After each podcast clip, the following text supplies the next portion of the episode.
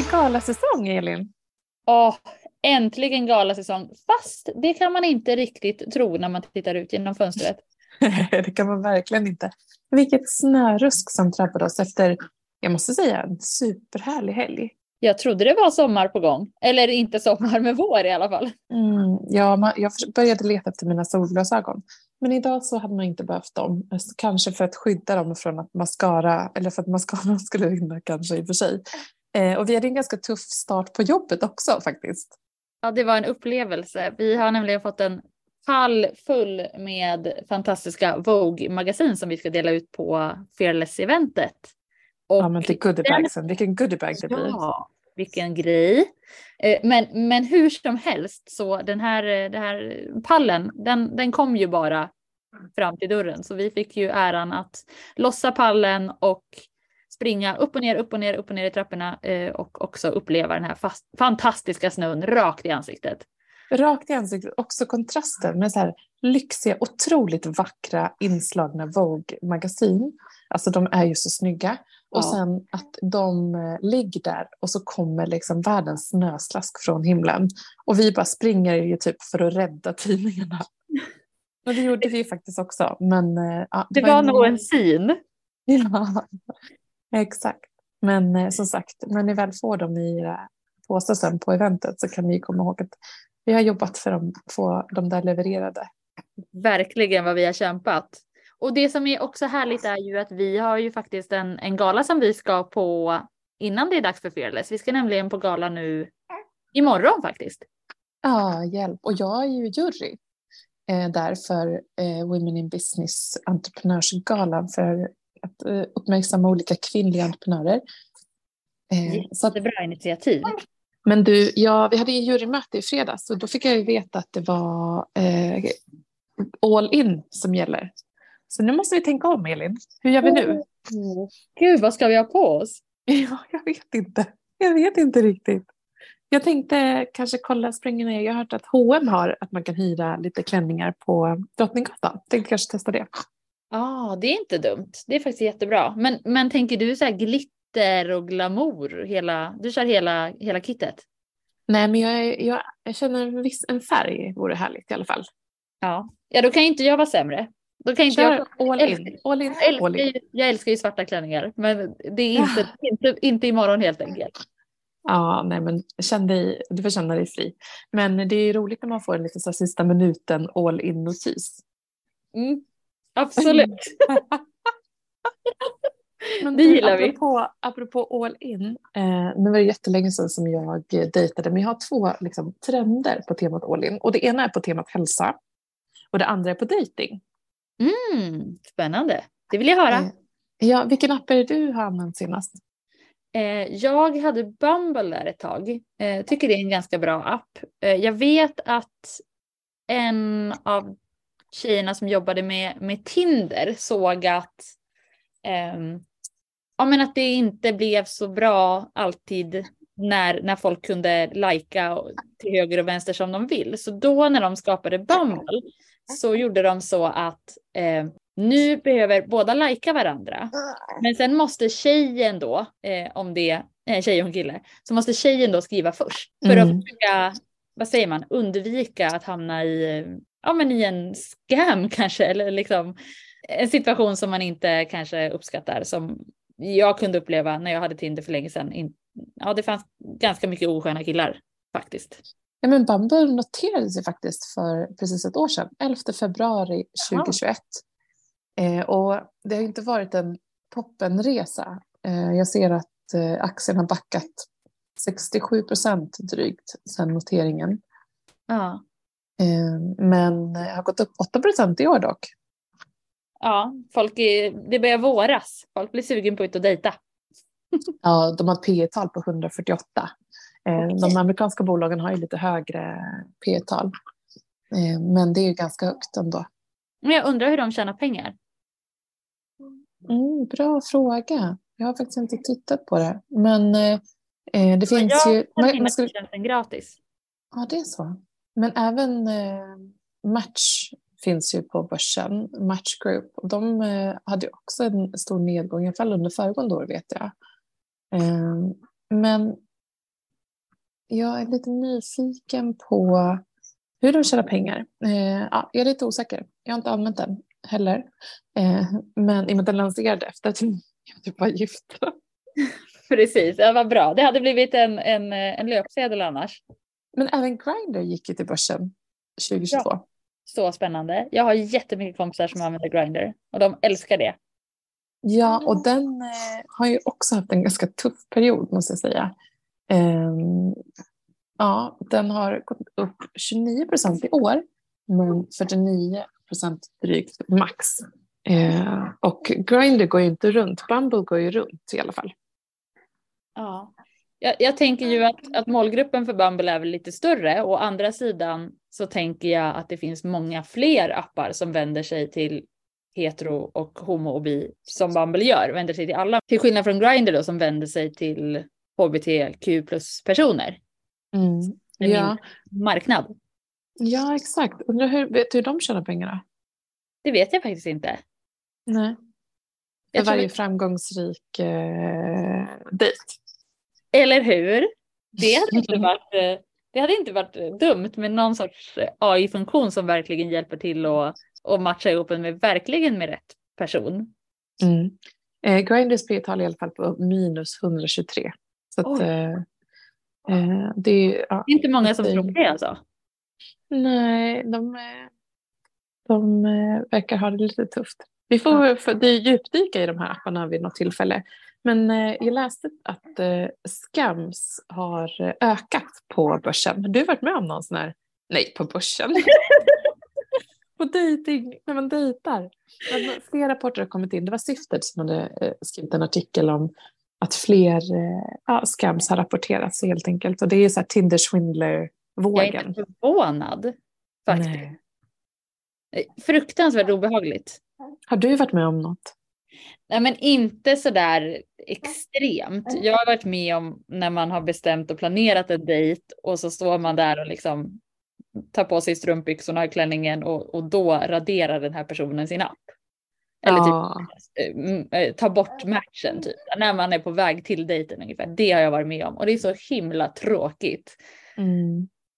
Eh, men... Ja det är jätte, verkligen. Ehm, jag har också varit med om, eh, jag har varit med om två på det här temat dejter. Den ena gången så var det en kille som, som eh, hade bokat, han bara, jag, jag måste vidare. Typ. Så han bokade bara liksom en typ 20 minuter. Att vi, så jag kom dit och sen han bara, ja nej, men jag ska gå och hjälpa min eh, syrra som har en utställning, en konstutställning, så ska jag hjälpa henne hänga upp tavlor.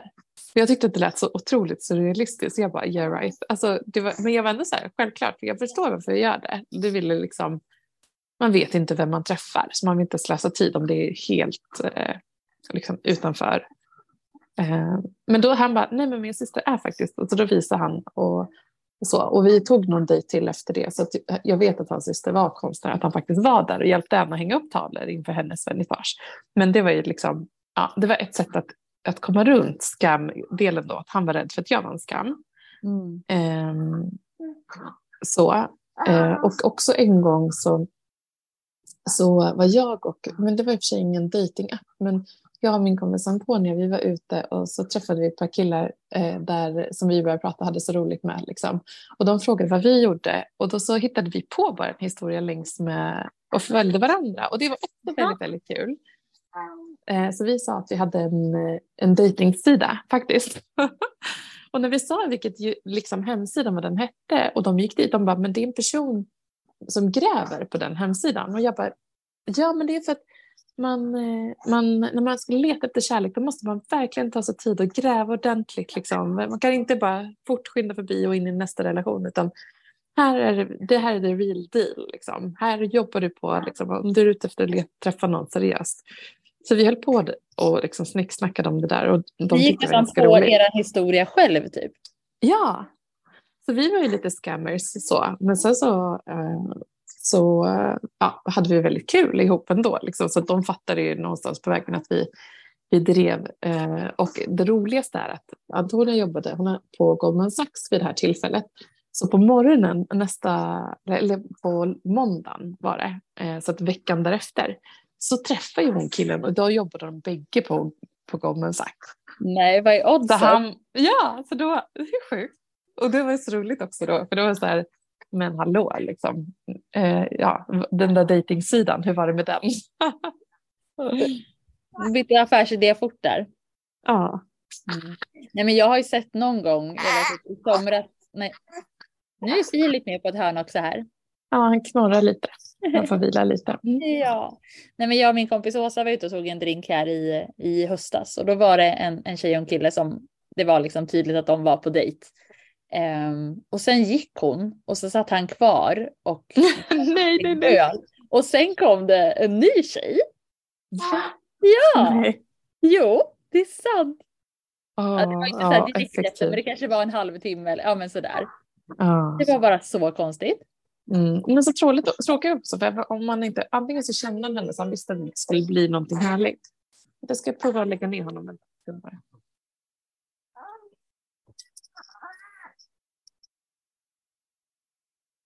Ja, men den andra trenden som hade varit en liten snackis, det är ju runt hälsa.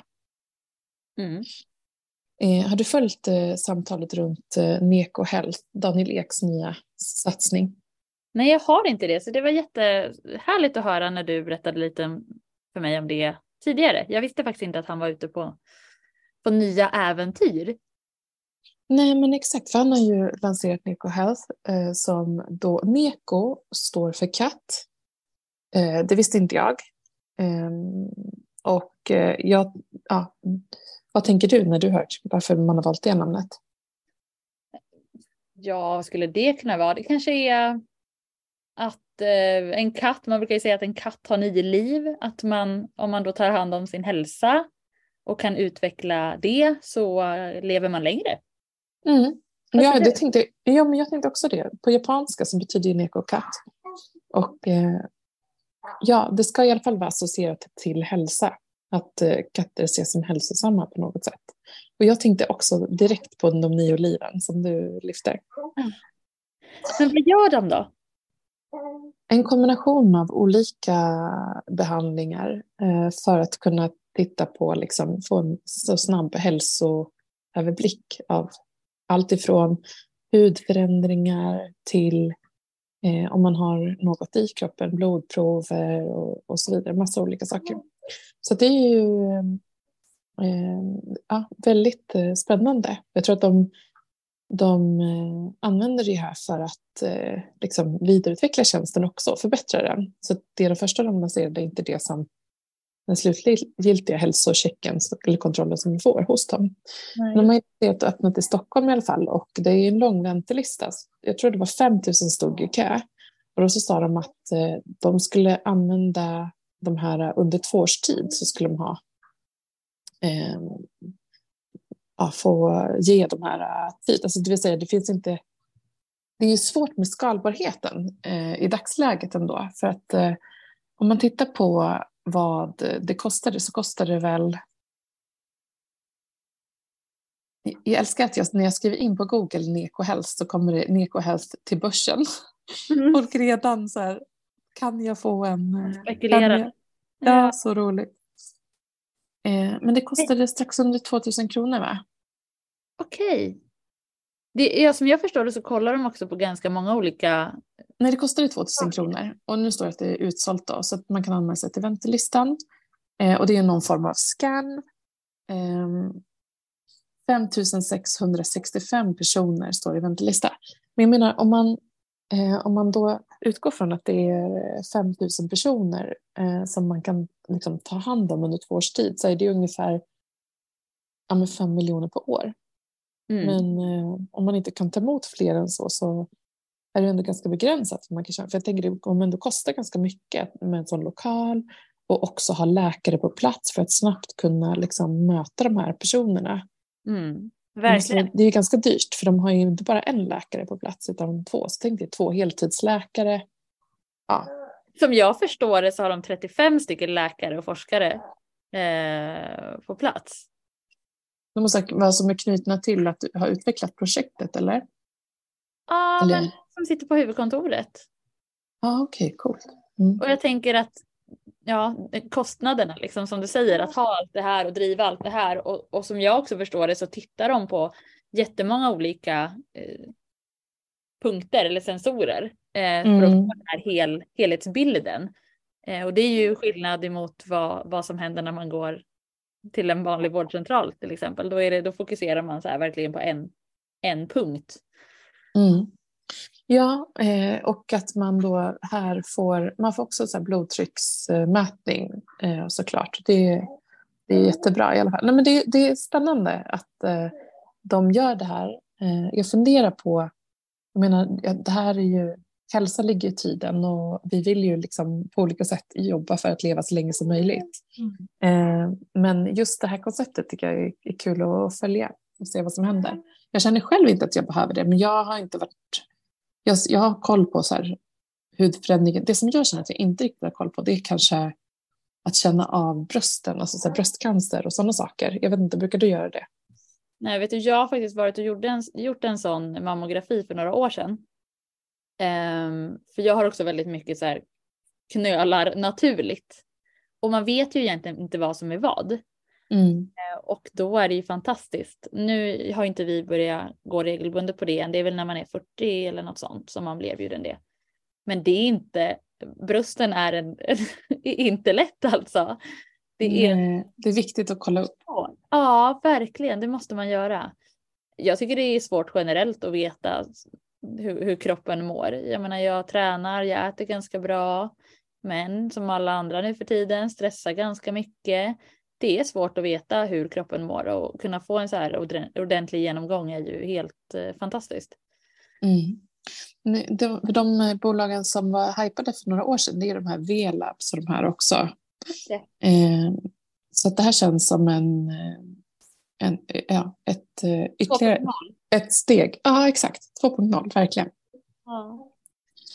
Eh, ja, men det är i alla fall Hjalmar Nilsson som har grundat eh, Neko Health och han kanske ni känner igen, för även han som har grundat eh, eh, wow, vad heter det? Han är så, Watty, eh, som är hur du mäter elen hemma.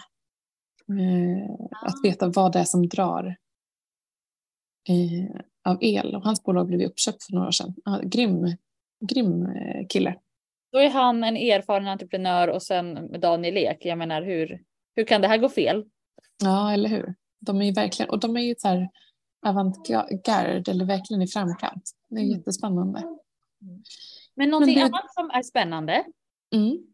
är ju det här med jämställdhet. Pratar ju vi ofta om. Även om vi pratar mycket om ägandefrågan eh, så finns det lite nya EU-direktiv. Ja, exakt det är också spännande för att senast den i juli 2026 så ska alla börsnoterade företag i EUs eh, medlemsländer ha jämställda bolagsstyrelser. Så bra. Mm, det, är det är intressant. Ja, och det man menar då med jämställda är att man vill, vill att minst eh, det, det underrepresenterade könet ska utgöra minst 40 procent av den här styrelsen. Men det som är att eh, det finns en undantagsregel som man kan ansöka om. Jag tror att det, om det var att man har 25, över 25 procent eh, idag av det underrepresenterade könet så behöver man inte, då kan man ansöka om, om att eh, inte följa det här. Liksom. Ja. Men det är ganska komiskt. Alltså, jag menar, om Sverige som en av de mest jämställda länderna skulle vilja ansöka om att vara undantaget. Det är lite, det är så här, för att man tycker att man är för bra med för låg andel. Eller? Förstår du ja. vad jag menar? Det ja, blir det lite, lite konstigt. Ja, det är jättekonstigt faktiskt. Och sen är jag också intresserad av att veta, är, är vi bäst på det här i Sverige? Eller vem är bäst? Som, Nej, men det är ju så att vissa länder, det finns så många länder som har eh, en eh, kvoterade styrelser just specifikt. Många fokuserar ju på styrelser. Ehm, så att i Norge så har man ju krav på de större listorna och det här gäller också eh, de reglerade marknaderna så att inte liksom ehm, ja, man, det finns ju mindre listor där det här inte behöver gälla. Men ehm, eh, många, det finns många länder i Europa som har kvotering just för styrelser så att vi ligger inte alls i topp. utifrån. Men de som är, det är väl de som är bättre, de som har kvoterat, så kan man väl säga. Mm. Ja, och man undrar också vad det gör med resultatet. Hur skulle du i och för sig känna om du blev så här inkvoterad för att du var kvinna? Nej, men jag gillar inte det själv. Eh, och, så här, och sen tycker jag också att man vill ju inte känna sig inkvoterad. Eh, och det är väl klassiskt oss kvinnor också, att vi vill vara så duktiga och leverera och bli valda därför. Eh, men också om de som inte kvoterar hamnar ju så långt efter de som faktiskt kvoterar på styrelsenivå. Men sen så finns det också data som visar att det faktiskt är ledningsgrupper som det är viktigt att ha mångfald. Eh, för att eh, det är på ledningsnivå som man bygger affären på ett annat sätt, operativt. Så det eh, ja, men oavsett så tycker jag att det är intressant att vi, liksom, vi har debatterat fram och tillbaka under så många år om kvotering ska vara någonting för oss i Sverige och sen så visar det sig att eh, Eh, att eh, vi får ett lagförslag skrivna på näsan där vi faktiskt måste anpassa oss istället. Ja, när man redan hade kunnat vara så långt fram. Ja, men exakt. Mm. Ja, men... Ni får gärna kommentera om vad ni själva tycker. Ja, verkligen. Och det vi också kan säga är att den 8 mars på vårt stora event Fearless så kommer det ju vara massor av kvinnor som äger bolag eh, och det vill ni ju inte missa. Utan dit Nej. och mingla. Alltså boka upp er, så roligt kommer det vara. Founders Lounge, jag tror typ att det är fullbokat nu Eh, med eh, entreprenörer. Vi får göra en större Founders Lounge nästa gång, men det är så roligt att det har varit en så stor efterfrågan på det. Eh, men det finns några biljetter kvar, så kom och ta del av en fantastisk dag. Och nu har vi avslöjat i alla fall att du kommer få en, en Vogue-tidning i din goodbag. Så trevligt. Vet du, jag tror faktiskt att det är dags för oss att hoppa in i dagens intervju.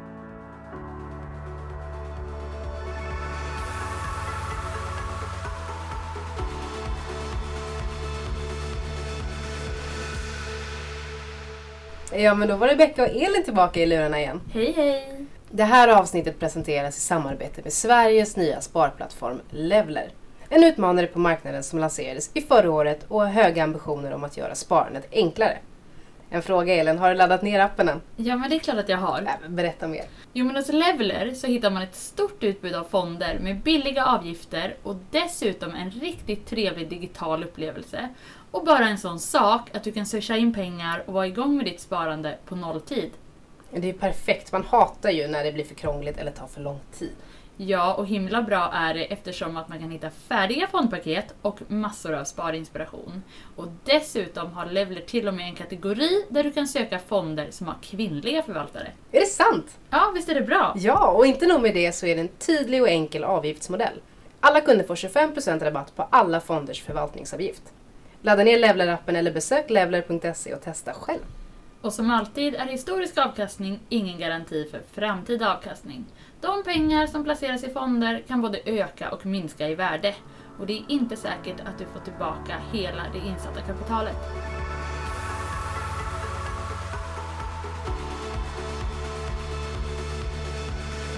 Jag tycker alltid det är lite spännande så här att när lyssnarna lär känna oss, hur mycket de lär känna oss. De ser ju då och då hur våra ansikten ser ut i sociala medier och sådär. Men när man hör en röst sådär Tycker du att man brukar fundera på hur folk har det hemma då? Uh, nej, jag brukar i alla fall inte göra det. Brukar du? Nej, vi hade den diskussion med vår kollega Rebecka häromdagen och då sa hon så här, jag tror att det ser ut så här hemma hos dig. Hur tror du att det ser ut hemma hos mig? Jag vet inte, jag tänker att kanske ens appearance kanske på något sätt speglas emot hur det, hur det är där hemma. Jag tänker, om man tänker hur det ser ut hemma hos dig så tänker mm. jag typ att du eh, har det ganska lite pryttlar Alltså det känns som att du behöver lugn och ro runt om dig. För att du har mycket, har mycket tankar och mycket kreativitet och det händer mycket i dig. Förstår du vad jag menar? Ja. ja, framförallt, ja, men framförallt när det kommer till sånt kallat krimskrams. Det är det värsta jag vet. Ja. Så bra ju! Ja. Bra analys. Och Rebecka, då tror jag att det är lite mer jordnära toner. Jag tror att du kanske ändå kan ha lite accentfärger, typ. Ja men precis. Man hittar, man, hos mig så tittar man så är det eh, grått och eh, rosa. Mm. Mm. Mm, trevligt. Ja. Och hur har du det hemma? Jag har ju också mycket beige. Alltså basen är ganska sover liksom, i färgskalan. Eh, mycket trä, jag gillar naturmaterial och sen så har jag också faktiskt färg, färger eh, som accent. Men eh, det här är ju någonting som eh, vi kanske inte är jätte... Liksom, vi är inga experter när det kommer till inredning, du och jag, du och jag Elin. det är vi inte. Men det är tur att det finns andra som är experter. Som man kan ta hjälp av. Eller hur? Sanna Divell bland annat som är grundare av Case Interiör som är med i dagens podd. Ja! Välkommen! Tack snälla! Superkul att få vara här. Passa på att fråga dig också. Hur ser det ut hemma hos dig? Ja, men, eh, jag gillar det här spåret som ni har varit inne på, att man inreder mera så som man behöver ha det hemma för sin egen del och vad man mår bäst av. För det tycker jag att man ska ta fasta på. Så hemma hos oss så behöver vi ha det ganska så lugnt i inredningsväg, för vi är ganska eldiga personer och även har en hund som tar lite plats och så. Så att vi har också ganska mycket naturtoner och det är lite som en skog här inne emellanåt med växter och trä och lugna färger mest. Härligt. när du startade ditt bolag KIS, eh, mm. vad, vad såg du för behov då? Ja, men jag, jag såg dels det här med att kunna anpassa ytor både i hemmiljö och i företagsmiljö efter vad, vilket behov man har. Alltså om man säger företagsinredningar kan ju vara både anpassade för att skapa kreativitet eller återhämtning. Eh, och i och med att jag har en bakgrund som beteendevetare så tyckte jag att det var väldigt intressant att kombinera de två erfarenheterna av beteendevetenskap, arbetsmiljö och den biten med eh, inredningsbiten och färg och form och hur man kan med de två domänerna få, få det väldigt härligt och få effektfull eh, inredning på, på företag och hemma. Så det var det jag tyckte var så spännande. Mm. Ja, men då är vi åter där igen. Det är ju så viktigt med, med den miljön eh, där, där man är. Men om man ska konkretisera det lite då, vad är det som Case gör och vad är det som ni erbjuder? Mm. Vi eh, har alla tjänster man kan tänka sig egentligen inom inredning, både för privatpersoner som vill ha det fint hemma eller som behöver hjälp inför att man ska sälja sin bostad eh, och även mot företag som behöver hjälp med arbetsmiljö, ergonomi, inredningsbitar, branding, ja, färgsättning, allt som man kan tänka. Jag är också lite nyfiken på att veta om ni eh, vänder er mest till privatpersoner eller till företag och om det är olika behov under olika perioder. Mm. Ja, men det, det har varit mycket nu eh, att många vill sälja för att marknaden är ju, har ju varit lite tuff när det gäller att sälja sina bostäder. Och då ökar ju behovet av att man tar in hjälp, eh, antingen med rådgivning av en stylist utifrån vad man kan göra själv eller att man vill ha hjälp med möblering och styling. Så det har varit mycket av den eh, varan nu här under hösten.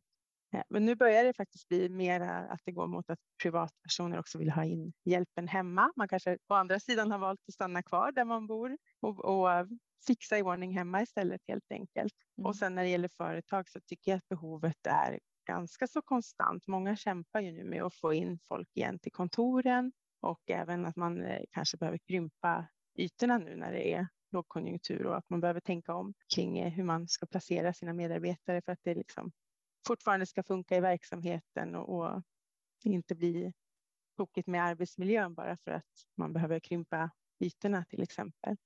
Så mm. att, eh, men, men det där är jätteintressant. Mm. Ja, för att jag tänker, det vore intressant att höra vad arbetsgivare kan göra för att få in sina anställda. Ja, men jättemycket skulle jag säga. Jag tycker att de flesta arbetsgivarna är bra på att tänka på eh, ergonomi och arbetsmiljö. Man kanske har haft någon där som har sett över att man har höj och sänkbara skrivbord och så, de bitarna.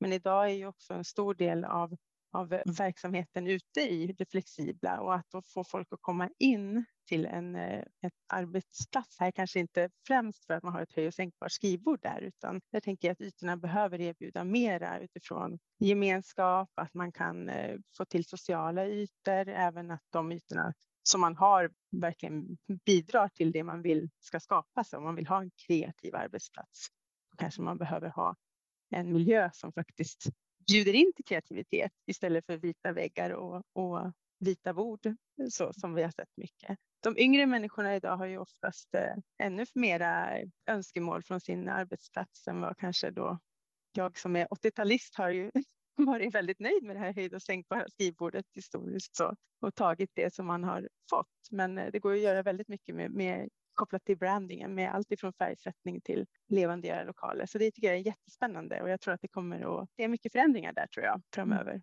Spännande. Jag tänker lite på vårt kontor, Mikaela. Vi har ju verkligen så kallad compact living hos oss. Mm. Men det är andra sidan att så här, faktiskt nu de sista åren har varit så öppna ytor och att många sitter eh, då liksom och att man hela tiden har möjlighet att prata med varandra och så där. Också att skapa eh, miljöer där man kan få sitta själv.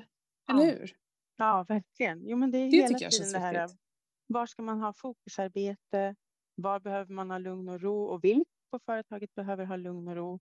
Medan vilka behöver sitta i en miljö där man kan få input? Så att man inte sätter en person som kanske behöver sitta fokuserat och jobba i ett gäng kreativa själar där alla ska liksom komma med input på olika idéer. Det blir ju inte så, så bra alla gånger.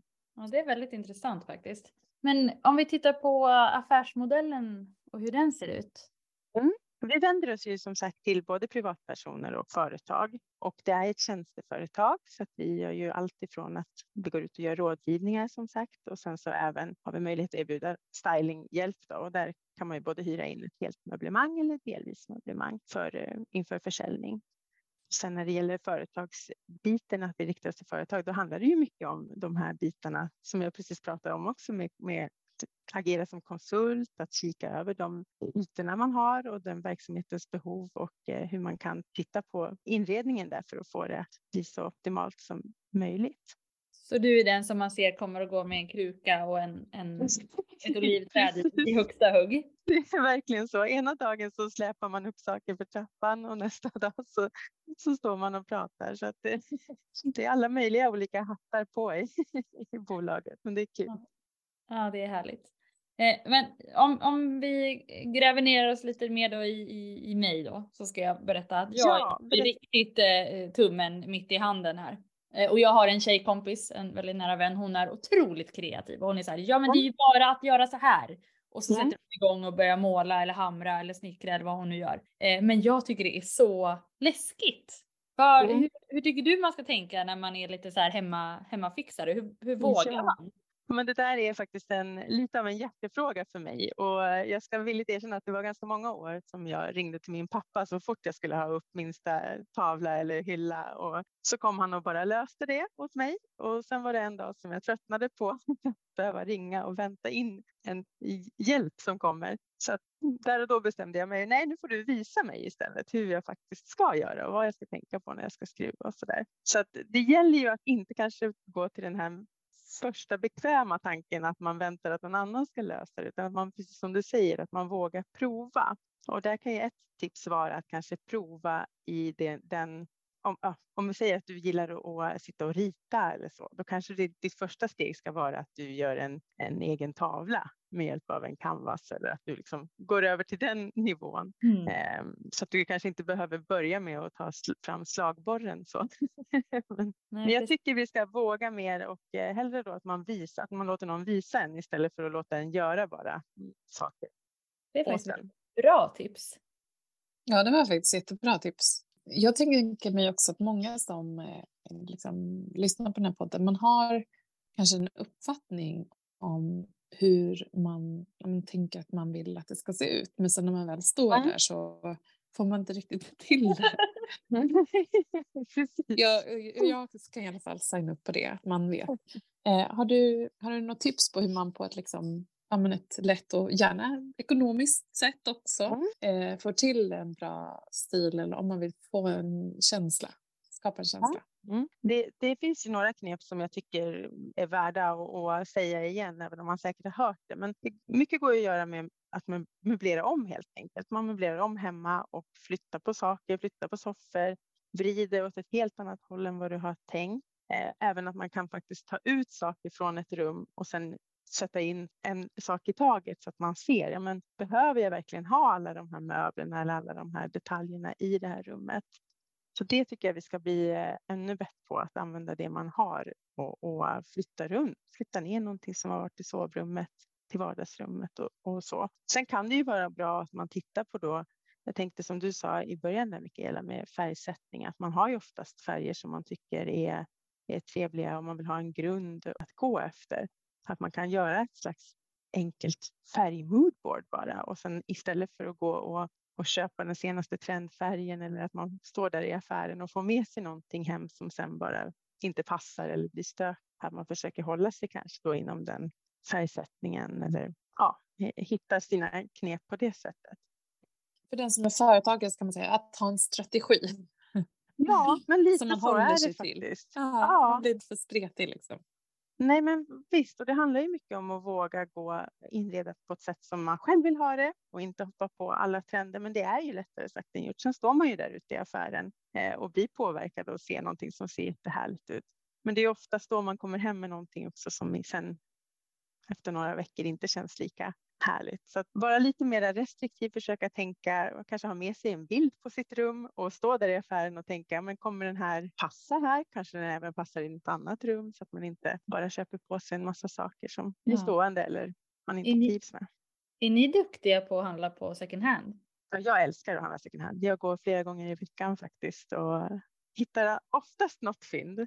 Jag är inte bra på det när det kommer till inredning. Däremot så eh, brukar jag ofta köpa med mig någonting från resor eller upp, liksom, som minnen. Mm. Någon inredningsdetalj eller...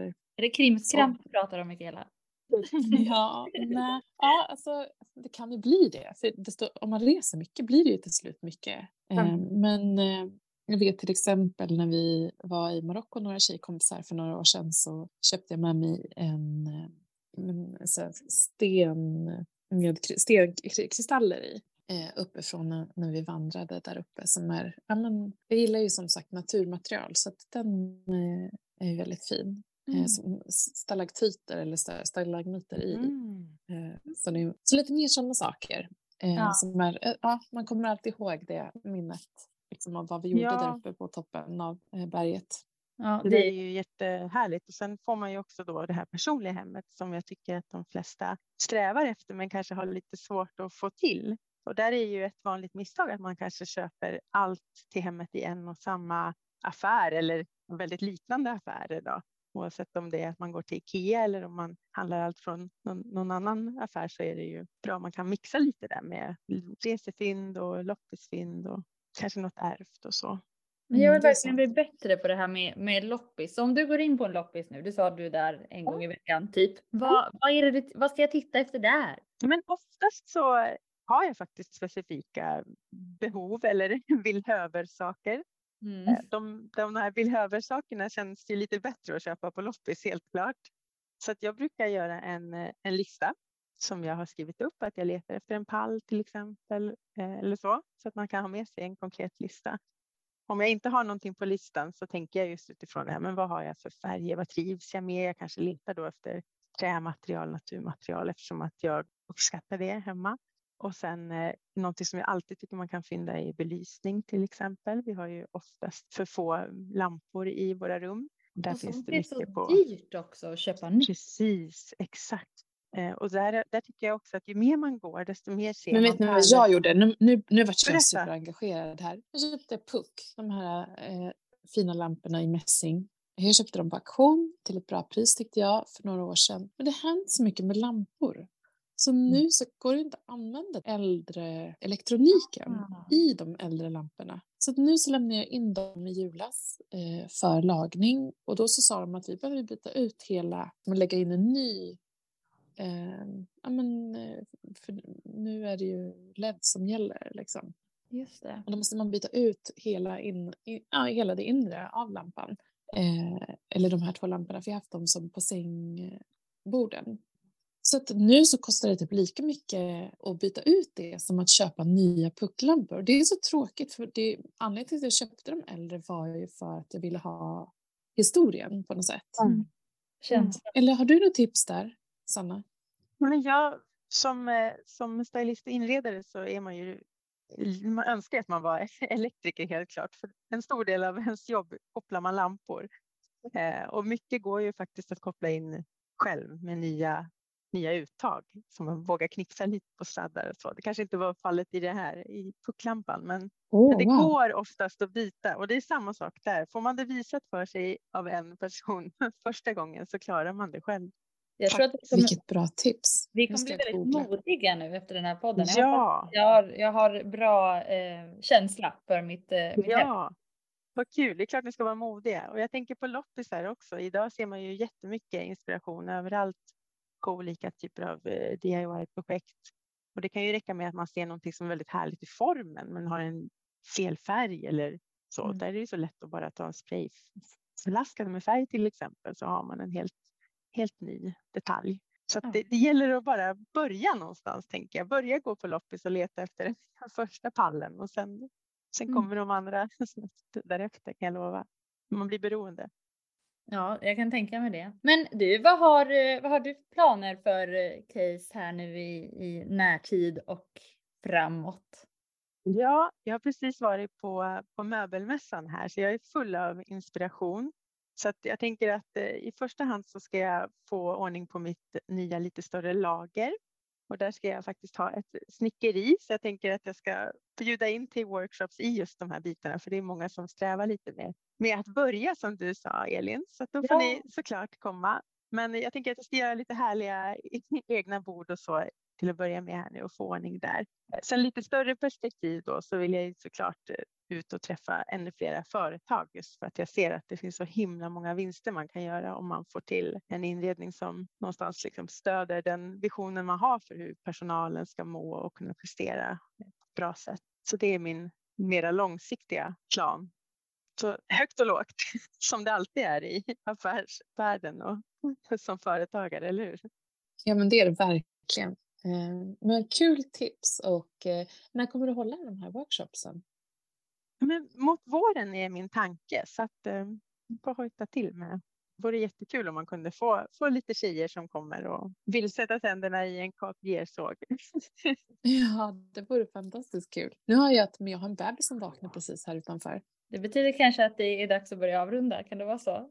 Ja, jag tror det. Mat och sovklocka. Innan Head Agent kommer knacka på dörren här. Men jättekul att hälsa på dig eh, och lycka till. Och vi håller kontakten under våren så får vi se om vi kanske kan eh, sammanstråla en av våra event med ditt, med ditt event till exempel. Det vore jättekul. Ah. Superroligt. Här smider vi planer i podden. Jajamän. Tack snälla Sanna för att du ville komma till Feminvest-podden idag. Tack snälla för att jag fick komma. Det var jättekul och ni är fantastiska på det ni gör så att fortsätt sprida inspiration. Tack snälla.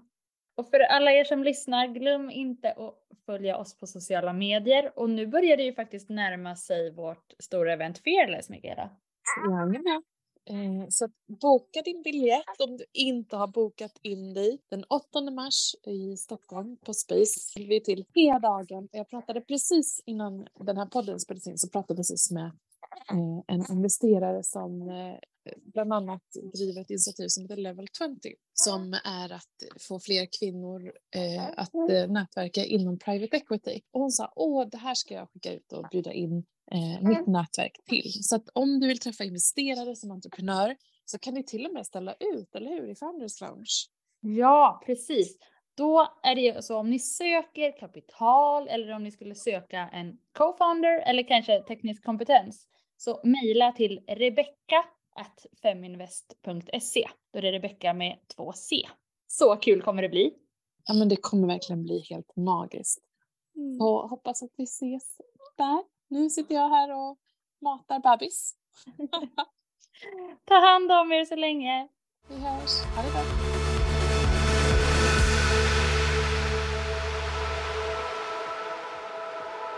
Feminvest är Sveriges största investeringsnätverk för tjejer. Vi vill att allt fler ska våga äga och förvalta. Och hur gör vi då detta? Jo, vi vill inspirera, utbilda och utmana runt ägande, investeringar och entreprenörskap. Följ Feminvest på våra kanaler Facebook, Instagram, Youtube. Varje vecka så kommer vi även ut med en podd och du kan ju självklart även följa nyheterna som publiceras på feminvest.nu. Det är bara att söka på Feminvest på samtliga kanaler så hittar du till oss.